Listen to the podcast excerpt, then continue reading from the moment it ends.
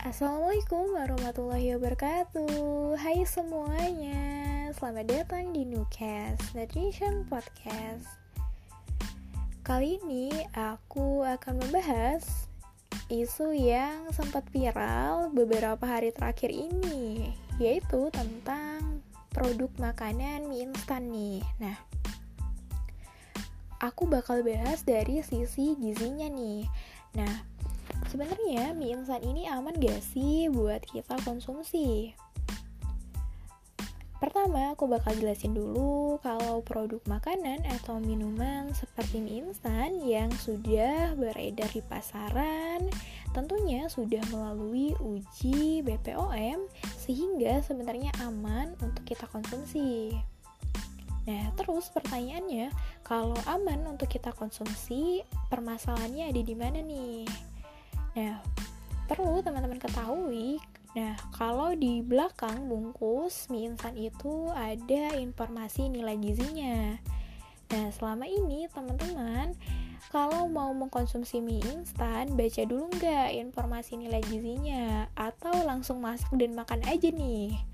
Nah, buat teman-teman semua perlu banget buat kita untuk setiap mengkonsumsi produk makanan atau minuman kemasan informasi nilai gizinya itu dibaca ya teman-teman nah ternyata mie instan ini kandungan gizinya mengandung rendah protein dan serat serta tinggi karbohidrat, lemak, dan natrium.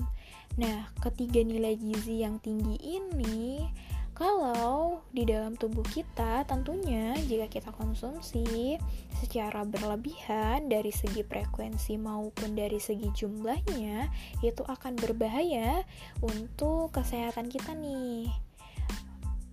Nah, bahayanya apa sih?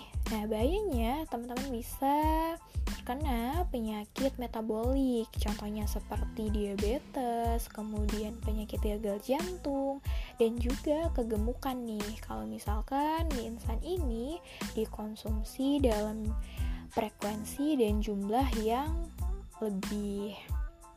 Nah, sebenarnya bukan uh, tidak tidak boleh ya kita konsumsi tapi boleh-boleh saja nih teman-teman konsumsi mie instan tapi teman-teman harus perhatikan tadi frekuensi dan jumlah saat teman-teman mengkonsumsi mie instan ini dan tidak direkomendasikan terlalu sering dan dijadikan sebagai makanan pokok biasanya nih teman-teman banyak banget nih yang dijadiin makanan pokok kemudian terlalu sering mengkonsumsinya nah karena tadi kita tahu bahaya-bahaya yang bisa disebabkan karena kita mengkonsumsi mie instan. Nah, mulai dari sekarang buat teman-teman semua, batasi konsumsi mie instan dan tetap mengutamakan pedoman gizi seimbang. Nah, mungkin itu aja yang bisa aku sampaikan di episode kali ini. Semoga bermanfaat. Sampai bertemu di Newcast episode selanjutnya.